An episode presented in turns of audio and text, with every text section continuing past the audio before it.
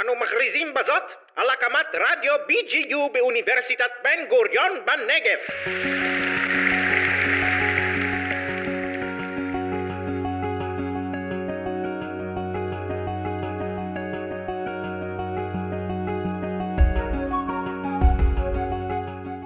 Well, good morning or good afternoon, Professor Glick. Nice to see you. We're on Zoom, but I assume that this will go through Yep. uh, radio waves and they'll just hear our dulcet tones. You look beautiful.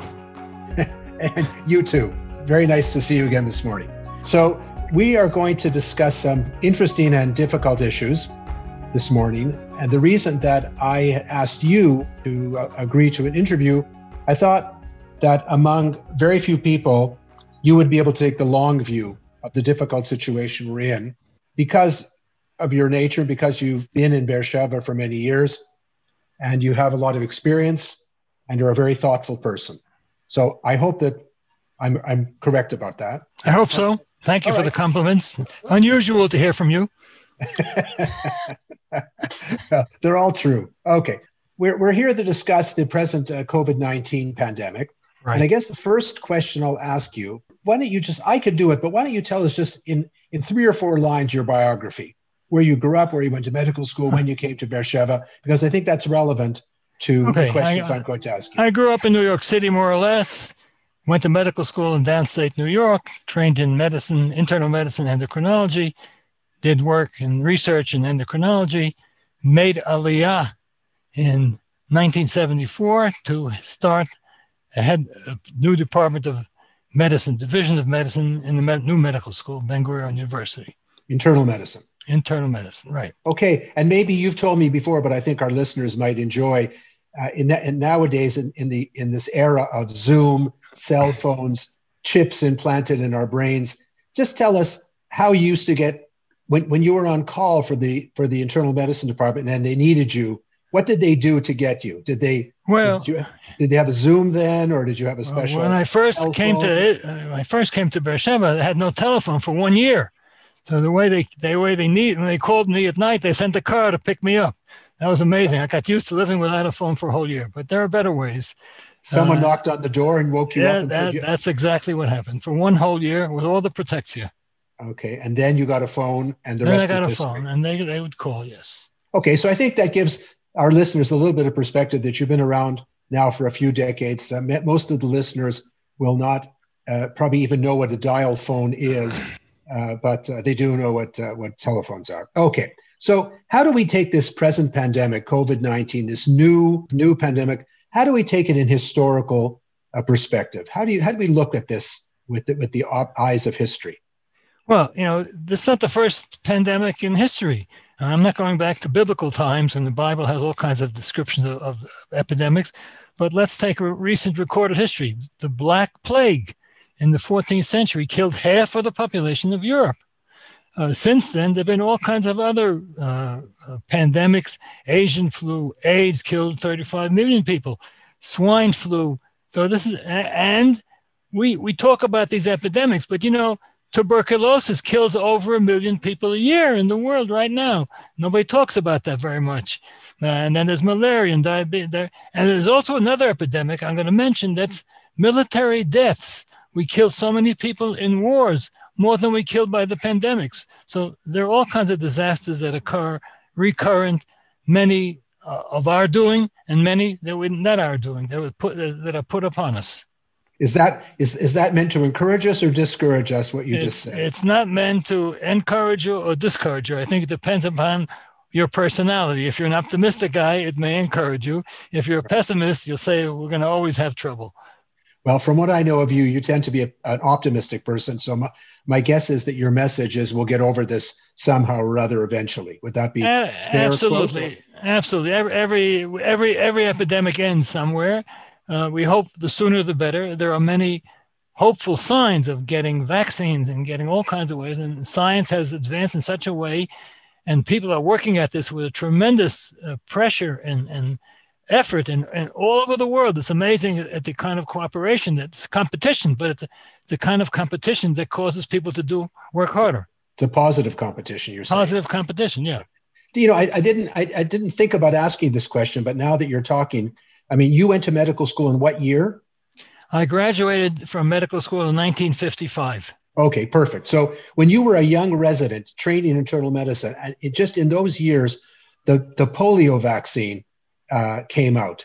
Do, yeah. do, you remember? Do you remember when that happened and what it did to the world? Could you tell us? Maybe. Well, we'll be... it was an amazing event. I mean, polio didn't have the numbers, but every mother uh, in the Western world during the summertime was petrified to send their kids to the swimming pool. I mean, it was incredible. The fear was greater actually than the numbers.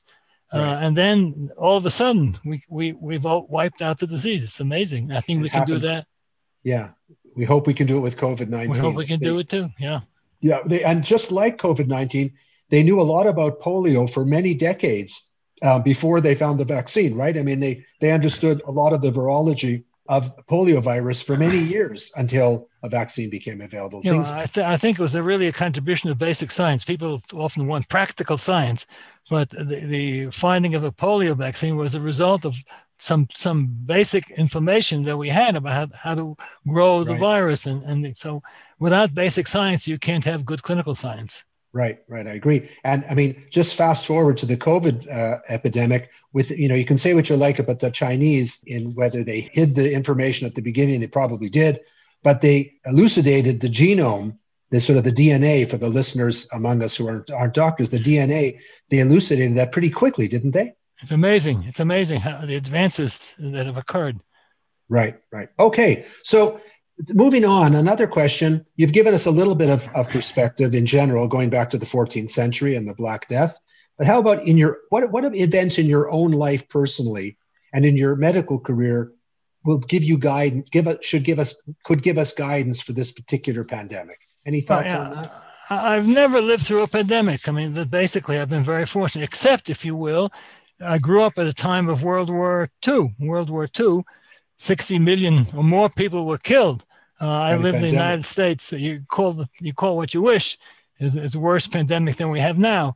Uh, fortunately, my own immediate family was not affected, and I went to school. We did very little. It didn't have any any impact. Uh, I did come to Israel in right after the Yom Kippur War uh, on a pilot trip, and I came there within I think a couple of months right after the war and the country was in total shock.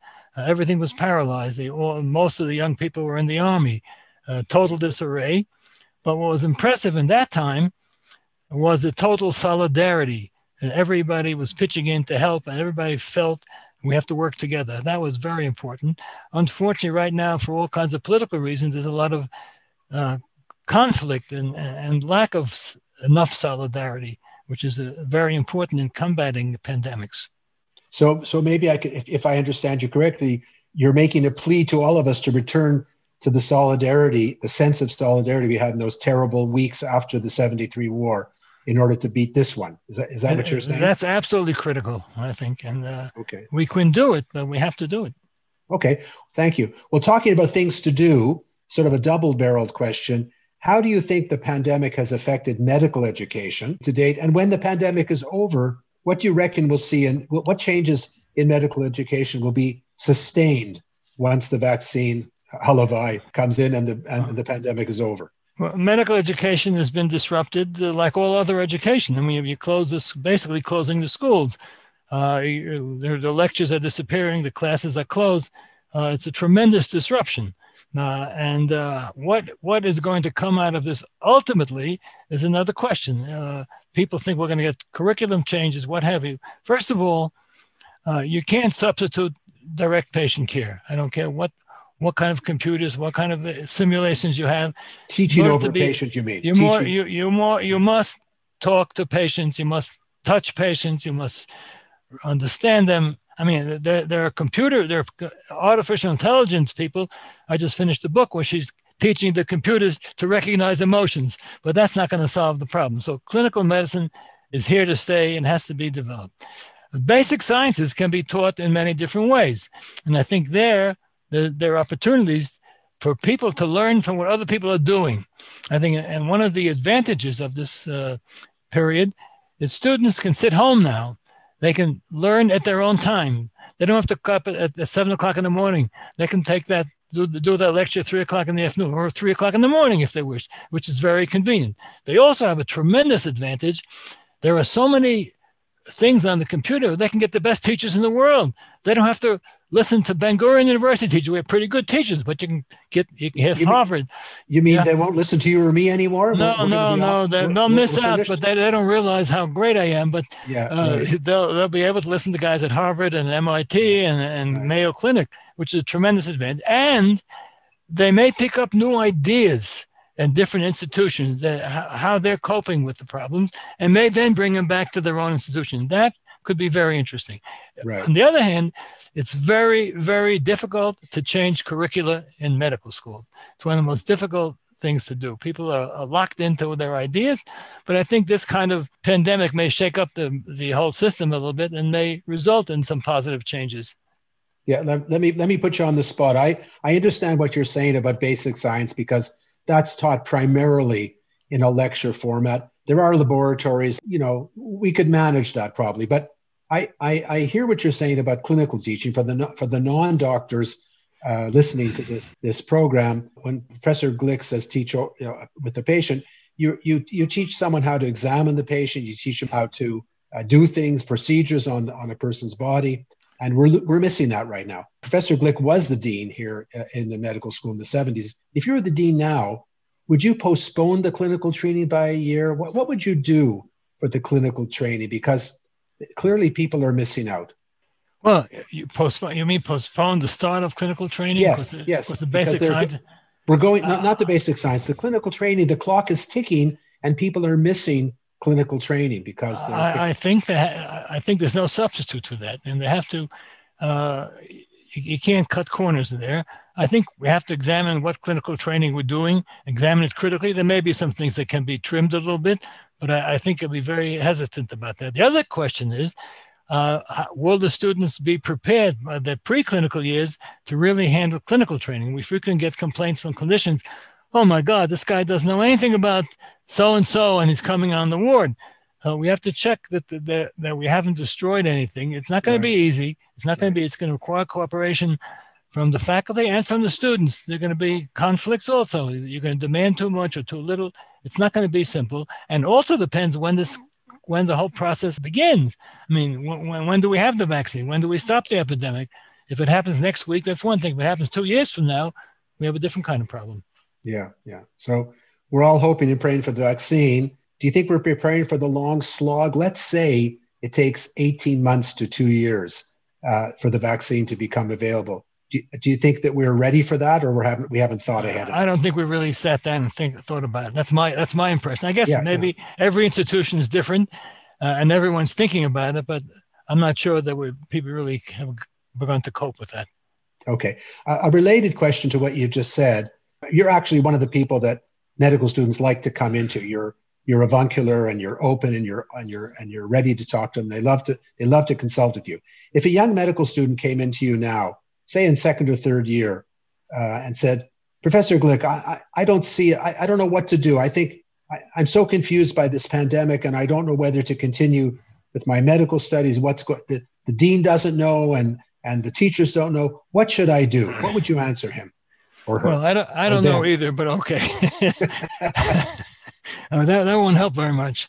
no, I I you think can't say I don't know. You have to be. yeah, yeah right. You have to pretend that you know, right? We know that. well, yeah, okay. Uh, I, I think you have to exploit, the student has to exploit whatever half a cup full here. As I pointed out, the student can now stu- study at his own time. He can interchange things with other institutions. He can learn what's doing in other places and utilize his time uh, in the best way. Uh, and I think he can learn new techniques. Uh, he has the world at his fingertips. Now, Google has now put the whole world at your fingertips. And if you use your time constructively, you can you, you can't avoid that the, the problem. The problem exists. So use your time constructively. Don't get depressed, and know that it will end, and that you may be you may learn some things from coping with this kind of a problem that may strengthen you as a physician later on. And there's been a lot of voluntarism by, by medical students as well, uh, learning how to deal with, with people alone at home, uh, learning to deal with uh, the, the, with doctors' families. A lot of things that have uh, occurred during a, a crisis, a, a tremendous amount of voluntarism, and people learn to to appreciate each other. Uh, well, I think you're. I think if, I, if I'm not mistaken, you're you're quoting uh, one of my heroes, uh, Sir Winston Churchill, who said, "Never let a good crisis go to waste." Right. Would you agree? Would you Absolutely. agree with that sentiment? Absolutely, absolutely. So this is this is and a I'm good sure crisis. That, I'm sure that new things will come out of this by young people who will say, "Wow, maybe we should do this differently." Uh, and look what they're doing over in the Mayo Clinic. Let's say, why don't we do that here? And I think that would really uh, make a great uh, difference.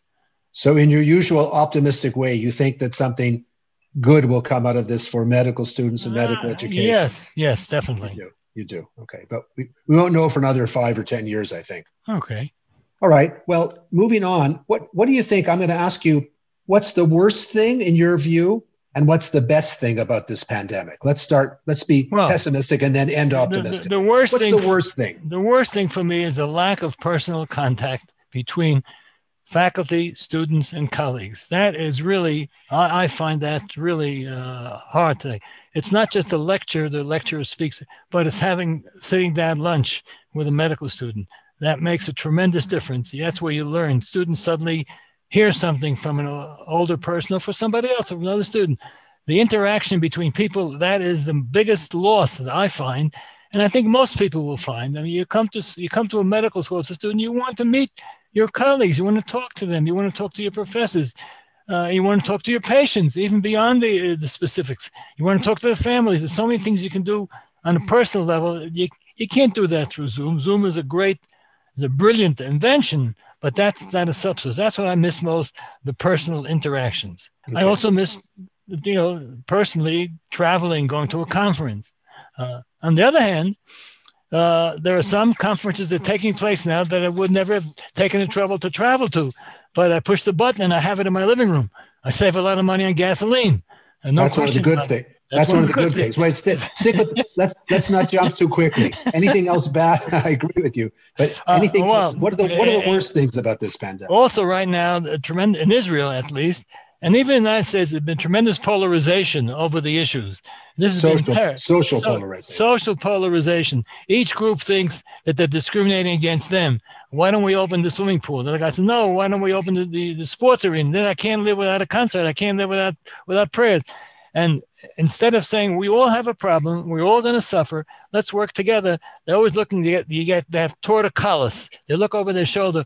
What the other guy getting better than I am. That's ridiculous. But that's a terrible problem, and the and the and the country is polarized, and the politicians have certainly not contributed positively to that because they they stimulate the polarization, both in the United States and here, both in probably UK. That's with a few exceptions, like New Zealand, where the lady is really taken control and everybody believes in her and trusts her. Yeah. But the polarization of the society is something we're going to have to work very hard to recover from. Right, right. I, I agree. It, this is in contradistinction to what you observed in During 1973. Yeah. Well, people yeah. react different to a war than they do. It's interesting when, when there's a, yeah. any crisis or bomb or terrorist attack, everybody runs into help. Somehow they haven't realized that this is also a war of, of the same kind of stuff, and we need the solidarity to be able to cope with it. Yeah, it's interesting you should put it that way. My wife, whom you know, who's also a physician, said when this thing started, this is a world war and we're all on the same side. And yet, I think what she said is true. And yet, what you say is also true that people are acting like they're on different sides for some right. reason. Yeah. yeah. Yeah. Okay, that's the bad. What's the good about this? Uh, about well, this, uh, as I said, you try, yeah. I, I said gasoline. Uh, and uh, for example, there are programs now that webinars all over the place and every subject which were not available previously. Okay, well, I went to last last last week. There was a discussion on thyroid disease. Uh, two experts from from Sloan Kettering. They wouldn't have come to Israel, but we got them on webinar and we had a wonderful case present, several case presentations. So people are, are doing things uh, to bring new things to the public, and I think that's that's uh, very important. And this all that helps greatly. And there is a lot of volunteerism. I think that that also there are a lot of people who are calling up old people and uh, that it's, not, it's under the radar, but there are a lot, a lot of that going on. I think that's important. Um, I keep getting phone calls to see how I am. how are and how are you? I'm looking at you on a Zoom. You look good to me. And look yeah. good to you. Well, you you better look more carefully. Yeah, yeah. yeah. okay, so the so the good things are the the you, the, you also you also people can learn. Uh, for example, maybe people will learn. I don't. I'm not hope that you can have a wedding without five thousand people. You can have thirty five people and have a good time at a wedding too, and waste less money. I mean, we just went through the holiday of Sukkot, yeah. and the concept that you can go out to into a hut for a week and give give up your fancy living room and your Rolex watch and your Rolls Royce, and you can still have a good time, enjoyable, and that that will be forgotten, unfortunately. But I would wish We- it wouldn't we- be. We had that with with Sukkot all our all our history. No, I mean, what what's apart from the fact that you can't welcome other people into your sukkah this year. Yeah. Um, yeah. Okay. Well, I hear what you're saying. Okay. Actually, you know, p- many people's businesses have been destroyed, and one Yeah. several businesses have, got, have fa- have fantastically increased. Zoom has become multi-billionaire. Yeah. So sales of Sukkot in Israel have skyrocketed because people used to go out with their families to hotels, and so now Right. they bought their own personal sukkah. So if you build it, if you're selling Sukkot, you, you this, the- the- this this thing has helped you greatly. So There there are winners and losers, but this Right. is happening so fast Yeah. that I, I don't think I don't know what you th- I'm interested in your opinion. It doesn't look there's there's a lot of winner there's a lot of losers left by the side of the Yes, road. uh, the poverty, uh, uh, it's, it's pathetic how many people have had their lives destroyed. And of course, the people who can least afford, who weren't doing great before, are the ones who are really hurt. Uh, Right. The million millionaires somehow managed to, to make profit everywhere, no matter what happens. Uh, and, and in fact, one of the one of the tragedies was, to my mind, that the politicians right at the beginning should have immediately cut their salaries, which they did not do. Uh, As an example, you mean? solidarity, As a pers- yeah. as personal example, and Yeah. it's very sad. Yeah, that's among the bad things. Well, talk, another bad thing I want to ask you about is you and I, and and many most of the listeners to this program, because they're they're uh, uh, you know uh, attached to a university, believe in what I'm starting to call, and I can't believe I'm saying this, the myth of science. In other words, we Oh, okay. believed that learning and uh, learning new things and that that uncovering s- the secrets of nature or of psychology or of history would benefit us and yet somehow we see all around us people denying science denying facts what do you what what do you make of that Uh, uh, that's uh, I forgot to mention as a real tragedy. Uh, the the the fake news, which you know was all over the was was all Yeah. over the place even before. right But in this particular crisis, irresponsible people with with names which are allegedly give them authority of some kind. I'm not going to go into names of people besides our great president of the United States who, who are spreading uh, information which is wrong. We are discrediting science. In fact, if you notice, the National Academy, National Academies of Science came out a week or two ago about this terrible thing. Science has suddenly been discredited when, when in fact, without science, we- we're not going to have a, pa- a pandemic for the next 10 years. Uh, and and all everything that we're doing is helped by science. But there, there's a concerted effort for, and there are interest groups. When it's got to do with climate change, there are people who are downgrading science for their own selfish reasons, and many other people simply don't understand uh, what science is supposed to do to help and how much it can help. And this is a fight which we must uh, not neglect. New England Journal, for the first time, had an editorial, first time in 200 years, about this about presidential. They didn't mention any names, but they said basically discrediting of science is tragic and, and can have long-term uh, implications. and yet I i hear what you're saying and yet i've never heard in the public domain so much talk about statistics and rates and proportions and r values and r naught suddenly everybody's an epidemiologist and everybody's a That- that's the trouble that everybody's an epidemiologist. that, But you don't uh, th- you don't think that it's going to raise a little bit when the dust settles that people are going to be perhaps you know there's there's the word literate which which means you can read and write. right. There's the word numerate which means Yeah. you understand basic statistics, chance, probability, one plus one or two is two, et cetera, et cetera. So do you think that that there'll be a residuum of scientific literacy that that may that when the waters recede may may may still be there when this is Yeah. over or not? Of course, it'll still be there. People go to the hospital and they're- they're using science all, all over the place, whether in their telephones or in everything else. But I think there's been very, very serious damage done by irresponsible people all over the place. And I, I, it's tragic. Yeah, I I guess the analogy it only affected one disease or one one one was the way tobacco companies distorted science over the over Yeah. years, but it was only one. This is now tobacco deniers are everywhere. It's not just Right, tobacco; right, it seems to be everything. Yeah, that's an. int- I, I, I'm. I can't get my quite get my head around how the the the assumptions that you and I have been working under that people want to know the facts seems not to be true. The question what are the facts? I mean, if you look, if you look up uh, the drugs like uh, against cholesterol and, and the internet, and that, the great majority of information there is against them. I mean, so that there, that is this, it's a crazy world. People do all kinds Yeah. of crazy things, and I'm not sure that people will respect statistics more afterwards because every day there's a different statistics being put on the radio Uh-huh. and TV. Yeah, yeah.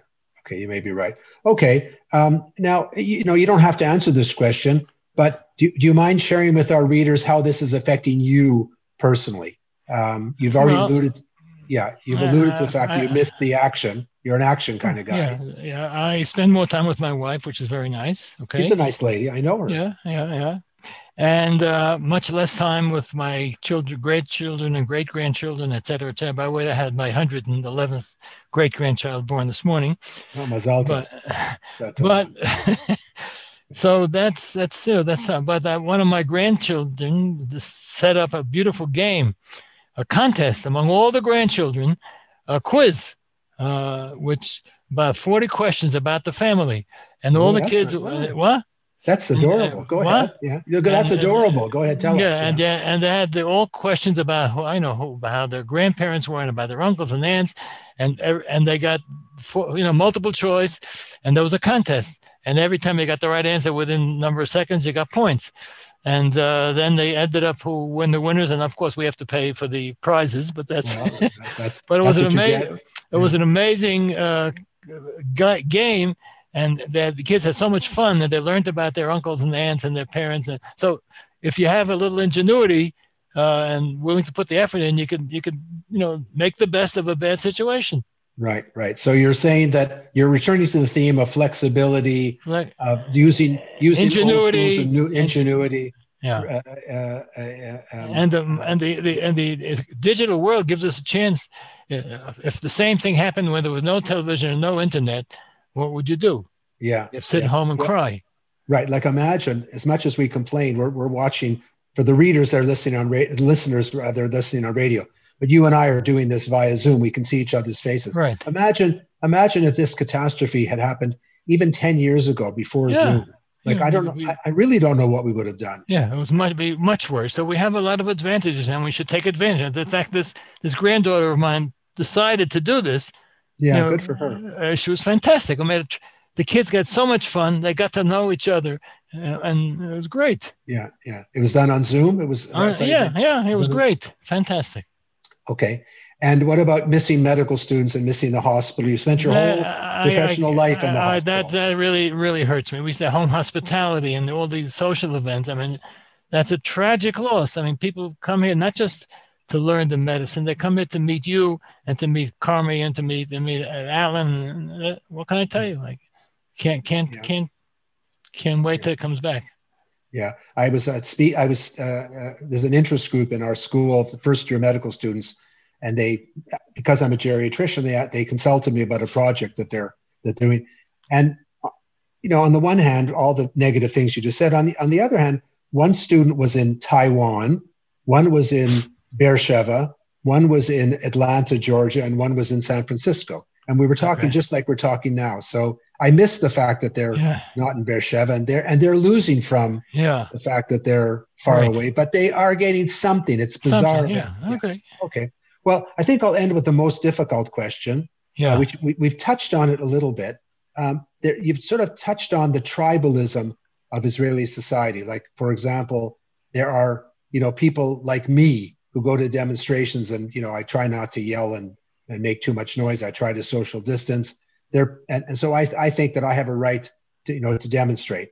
And there's people like my children who who get together and hang out together and I'd say that their social distancing is not ideal. And then there's people over the holidays, particularly, particularly, but not only in the Haredi group, that basically ignored all of the guidelines. As, as a religious man yourself and a man of faith, how do you explain this and what should be done to well, bring the tribes uh, together? Uh, first of all, in the Haredi world, there are many groups. There's some there's some Haredi rabbis who are more strict than the government regulations, but okay. there are some groups who have very clearly said no, no, we, we don't believe that. we I think it's criminal. If you really want to know the truth, I think they're responsible for for, for many deaths.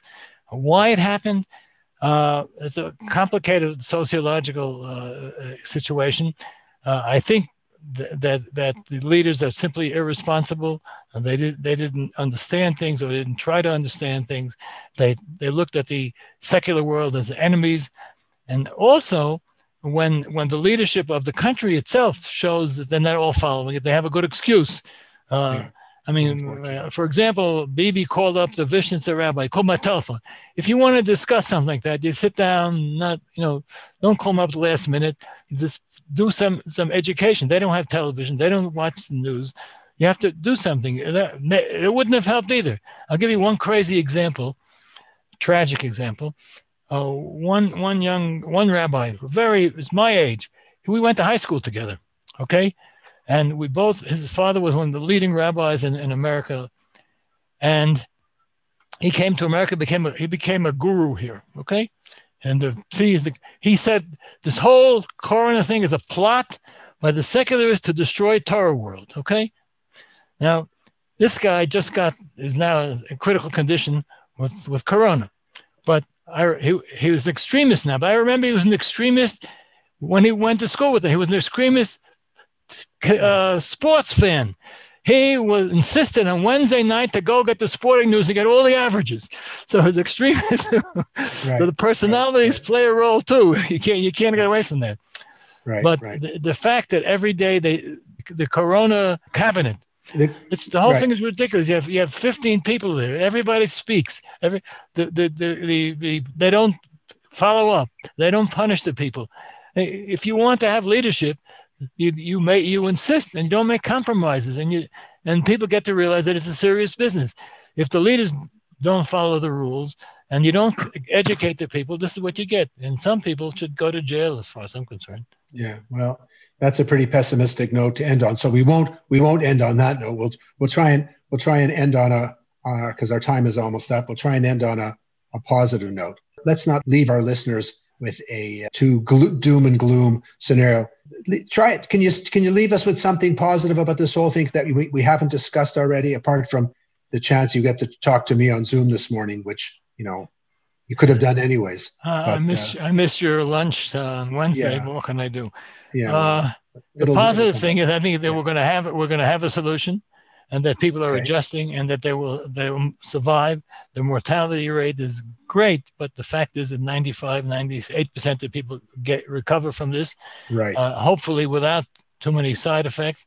And hopefully we may, after the thing quiets down, maybe some intelligent people will sit down historians and work out and say what was wrong, how we can do mm-hmm. this in the mm-hmm. future in a different way, because there will be other ep- epidemics in the future. What mistakes were made, and there were loads of mistakes made, and in the future, if you prepare, uh, you wouldn't have to go through the crisis the way we did. All righty. So I think we'll, we'll end on that positive note. I want to thank you, Professor Glick, as expected, for your insights and wisdom and sense of humor, and um, and the fact that I'm I'm less depressed after this interview than I was before it. Now, okay, good. Okay, so I'll you, send you, you a bill. Yeah, you go ahead and send it. You, you can try. Try to collect. you, yeah, you can try. You can try and send a bill, and I can try and pay it. But okay. I also want I also want to thank on behalf of the two of us and the Medical School for International Health where we both work. To, I want to thank uh, Uzi, Uzi and Mike Diamond for helping us set yeah. this up for Radio BGU. Amen. So Good afternoon to all of you and be well. Stay healthy. Bye bye. All the best. You too. Thank you.